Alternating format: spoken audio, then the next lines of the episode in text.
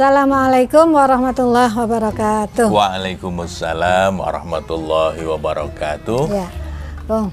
Semua orang nih, Kong, Ya. pasti punya cita-cita, pasti iya. punya mimpi. Mhm. Ya, termasuk Akung dan Ya, saya ya, iya. ya, punya mimpi dan punya cita-cita nih. Mhm. Tapi banyak loh, Kong, yang tidak terrealisasikan mimpi-mimpi itu, Kong. Ya. Ya, ada penjelasannya, Kong. Iya, tinggal tetap jadi mimpi saja ya. Ah, ya. Ya, sebetulnya penjelasannya sederhana sih, karena tidak dieksekusi. Maka mimpinya itu ya cuma Hanya dalam mimpi. angan-angan, Ah. hanya mimpi, maka mimpinya tidak menjadi kenyataan. Nah, makanya kalau orang sebetulnya sudah betul dia punya cita-cita, dia punya mimpi, tinggal satu langkah lagi, Eksekusi. dieksekusi. Nggak usah terlalu banyak pertimbangan ya. Kadang-kadang kan karena pertimbangannya terlalu banyak malah jadi takut ya untuk mengeksekusi mimpi-mimpi. Nah dalam hal ini adalah kalau kita sudah dari sekian banyak mimpi, itu lalu kita memilih mana yang menjadi prioritas. Nah betul, mari kita kejar mimpi itu dengan penuh kesungguhan. Nah ini yang di dalam bahasa psikologi disebut komitmen. Hmm. Jadi komitmen itu tidak sekedar kata-kata, it's not a word, tetapi act. Itu adalah tindakan, itu adalah eksekusi. Jadi Iya, iya. apa yang sudah menjadi pilihan mimpinya itu lalu dieksekusi. Nah, kadang-kadang kita harus nekat untuk bisa mewujudkan mimpi-mimpi itu.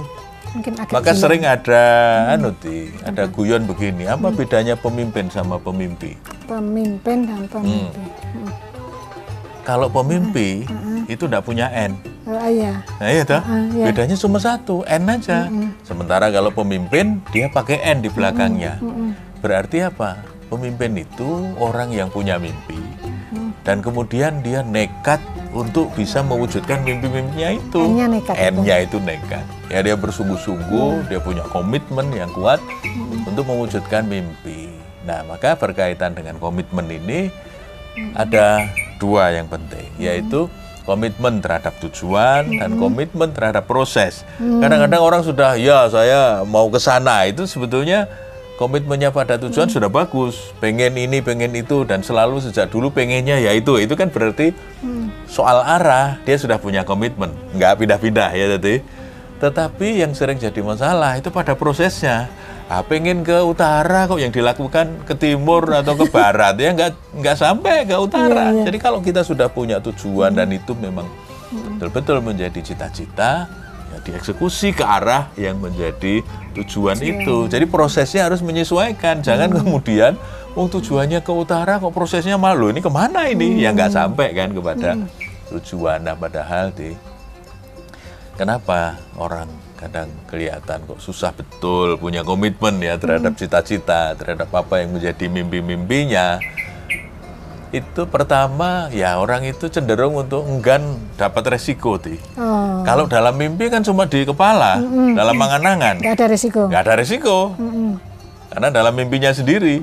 Tapi begitu dieksekusi, resikonya banyak. Iya. Bisa nggak berhasil, Bisa jatuh. bisa jatuh, bisa kemudian dibully teman-teman misalnya, atau apa? Iya, iya jawabannya. Iya, itu karena ada risiko sehingga dia takut untuk menghadapi resiko. Jadi biasanya orang yang susah untuk punya komitmen itu karena enggan dapat resiko. Hmm. Yang kedua, Takut ya, Kang? ya takut, Takut takut, ya? resiko, ya itu. Yang kedua, ketika menghadapi kesulitan, apa yang dia pilih? Dia suka opsi mundur. Jadi ketika melihat, waduh ini resikonya besar, Oh, waduh lah. ini Oh, Iya. nggak usah aja lah, besok aja lah. Kemudian ditunda-tunda. Iya, itu yang disebut fallback option. Jadi dia lebih suka untuk mengambil opsi mundur, padahal opsi maju ada. Cuma kalau maju ada risiko. Iya. Ah, orang yang sering menyebutnya sebagai safety player, ya di pemain aman. Nah, dia cari aman. Ah, cari amannya apa sih? Mundur. Ah, nggak usah dieksekusi aja lah. Besok aja lah. Kalau situasinya sudah kondusif, ah, bukan situasi kondusif yang kita buat, tetapi kita nunggu supaya situasinya kondusif. Nah, akhirnya dia justru memilih opsi mundur, Ti. Itu yang kedua. Yang ketiga, nah orang ini karena mungkin pengen image yang bagus gitu, jadi tidak suka terlihat bodoh, Ti. Oh. Jadi kalau gagal kan eh nggak bisa kan gitu tuh ada ada risiko kita ini terlihat bodoh oh nyatanya gagal. Orang lain aja berhasil dia gagal. Itu kan ada risiko ketika kita mengeksekusi kita terlihat tidak smart kita terlihat bodoh. Nah ada orang-orang itu yang dengan gengsinya yang tinggi dia nggak mau terlihat bodoh. Nah bagaimana supaya tidak terlihat bodoh? Ya nggak usah melakukan apa-apa. Ah, iya. kan aman di. Ya.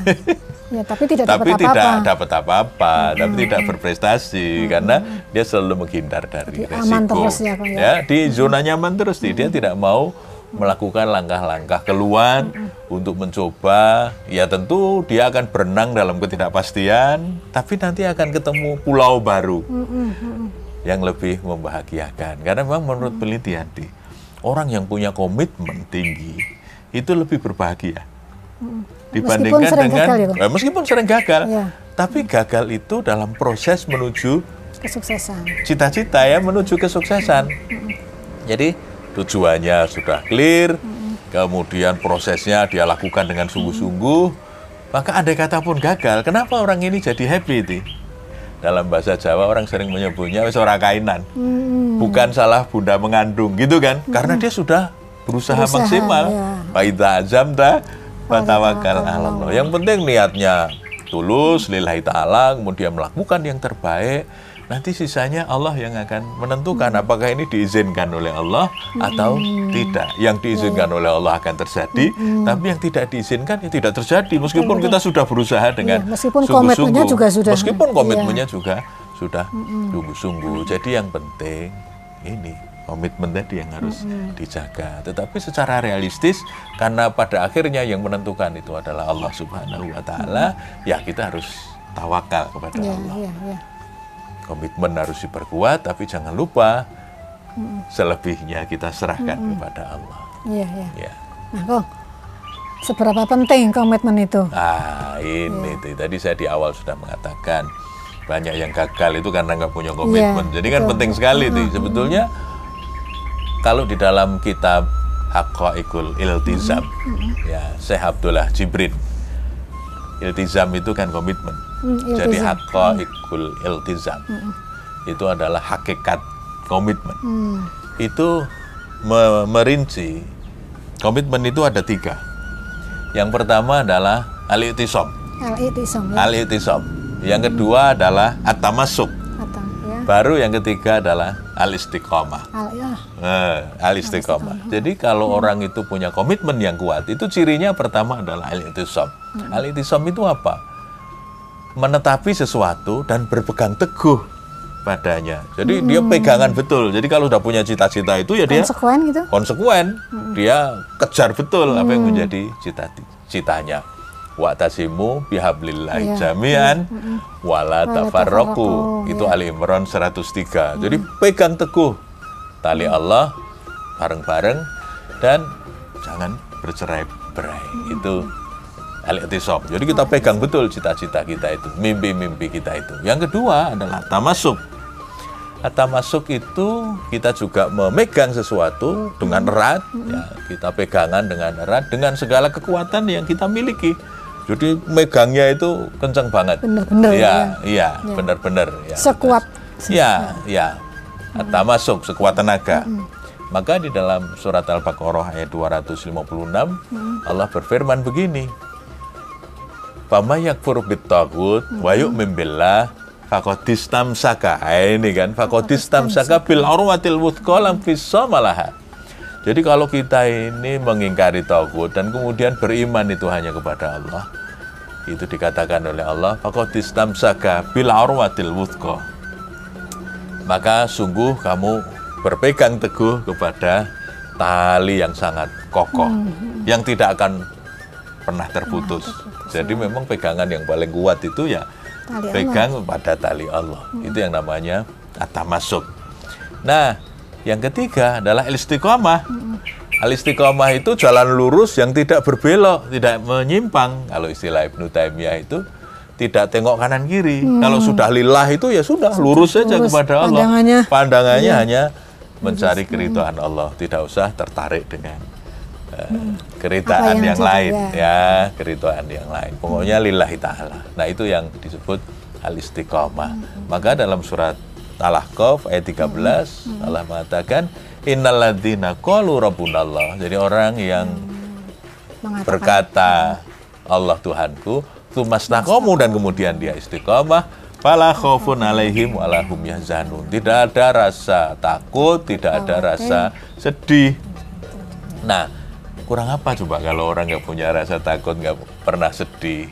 Yaitu kenapa tadi penelitian menunjukkan bahwa orang yang punya komitmen itu lebih berbahagia. Iya. Ya karena terbebas dari rasa takut, nggak, iya, eh, iya kan, nggak ada rasa sedih karena dia merasa tujuannya sudah jelas, lalu dia kejar betul cita-cita itu kan. pegangannya sangat kuat sehingga ya. apa pun yang terjadi dia merasa sudah melakukan Hmm. tugasnya dengan sepenuh hati itu Ti. maka kenapa dikatakan Ya. orang yang punya komitmen itu lebih berbahagia Ya, berarti sangat penting ya, Oh, ya. penting sekali. Orang punya komitmen itu sangat Iya, penting ya. iya. Kalau kita punya komitmen itu tadi bisa tidak mendengar kanan kiri Iya, ya, karena pokoknya tujuan sudah bismillah. pasti iya.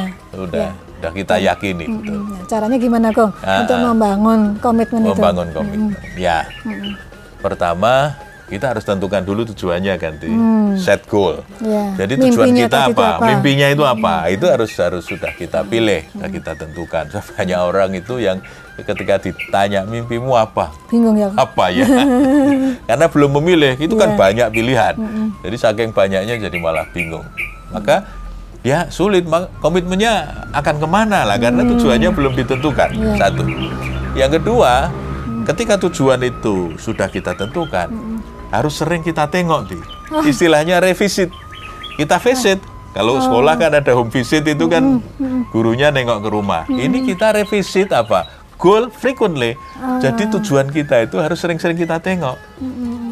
Semua yang kita lakukan itu kita kembalikan kepada tujuan, kepada cita-cita, mengarah ke sana enggak? Ah, Makanya yang dimaksud dengan revisit itu begitu.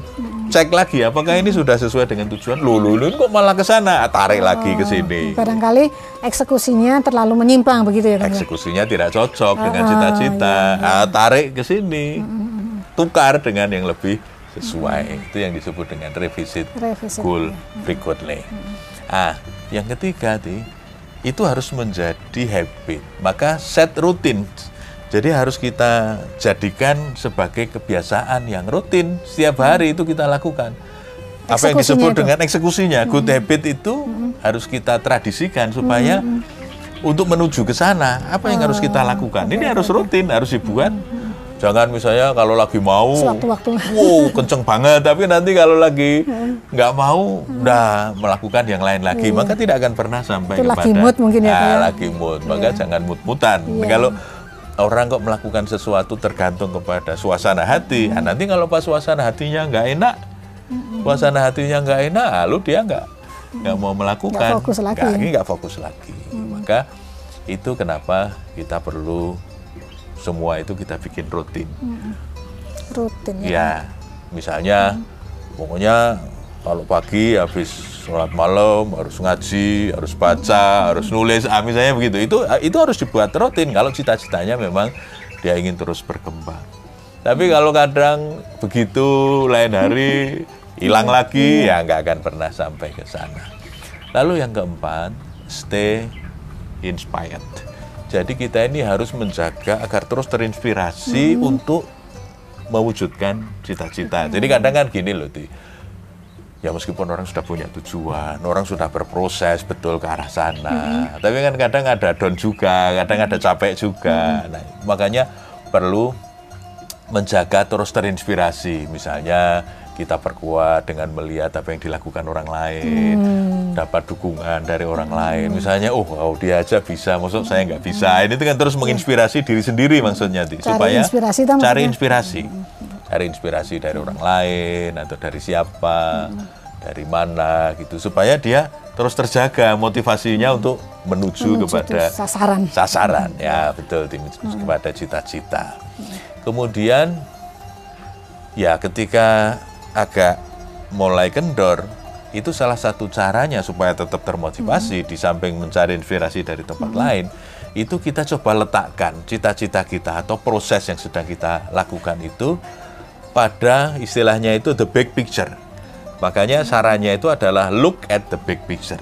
Jadi sebetulnya kenapa kita punya cita-cita itu? Karena saya ingin dalam konteks besar itu saya ingin menjadi orang yang bermanfaat, punya kontribusi bagi kemanusiaan. Terus digambarkan gitu maksudnya? Maka, enggak dalam cita-cita, Oh, dalam dalam bayangan. oh, dalam bayangan. Ya, dalam bayangan. Maksudnya dalam eh, konteks yang lebih besar. Oh, jadi saya melakukan ini ini tidak hanya untuk diri saya sendiri, tapi juga untuk keluarga, untuk kemanusiaan supaya eh, saya menjadi pribadi yang lebih bisa memberikan sesuatu pada orang lain. Nah itu kan dilihat dalam konteks yang lebih besar. Tidak cuma saya begini karena saya pengen begini itu kan Oh, menjadi ya. sangat personal, Ya. sangat pribadi tadi. Tapi begitu dikaitkan Untuk dengan kemaslahatan ya. kemaslahatan yang lebih besar itu biasanya semangatnya akan lebih Iya. terjaga. Kok maunya bersusah-susah begitu ya? Hmm. Karena hidup ini tidak lama Hmm. dan sebaiknya kan kita harus meninggalkan warisan yang bermanfaat. Nah, warisan itu bisa ilmu, warisan itu bisa hikmah, warisan itu bisa apa saja yang bisa dinikmati oleh tidak saja anak cucu tapi oleh Orang banyak. banyak orang. Nah, itu. Nah, lalu usahakan untuk tidak bosen nih. Hmm. Jadi Dengan don't yang dilakukan burn itu ya. Dengan yang dilakukan. Karena kadang-kadang kalau kita rutin tuh lama-lama Iya, bosan betul. juga. Iya, iya. Ya ada variasi, istirahat sejenak boleh atau kita lakukan di tempat yang berbeda. Pokoknya cari cara sendirilah untuk menghindari kelelahan, Kejenuhan. untuk menghindari kejenuhan. Ya. Nah, yang terakhir kita harus stay the course. Kita harus setia dengan jalur yang sudah kita pilih. Hmm. Jangan karena tawaran yang lebih menarik di tempat lain, kita kemudian bergeser. Nah, kalau begitu, nanti tawaran itu akan banyak. Iya. Dan kita akan seksa, ikut sana, ikut sini. Lalu tujuan semula malah hilang. Iya. Nah, jangan keluar dari jalur. Nah, pemirsa, orang sukses memiliki komitmen. Nah, orang gagal hanya punya mimpi. Komitmen mengubah mimpi menjadi kenyataan. Iya.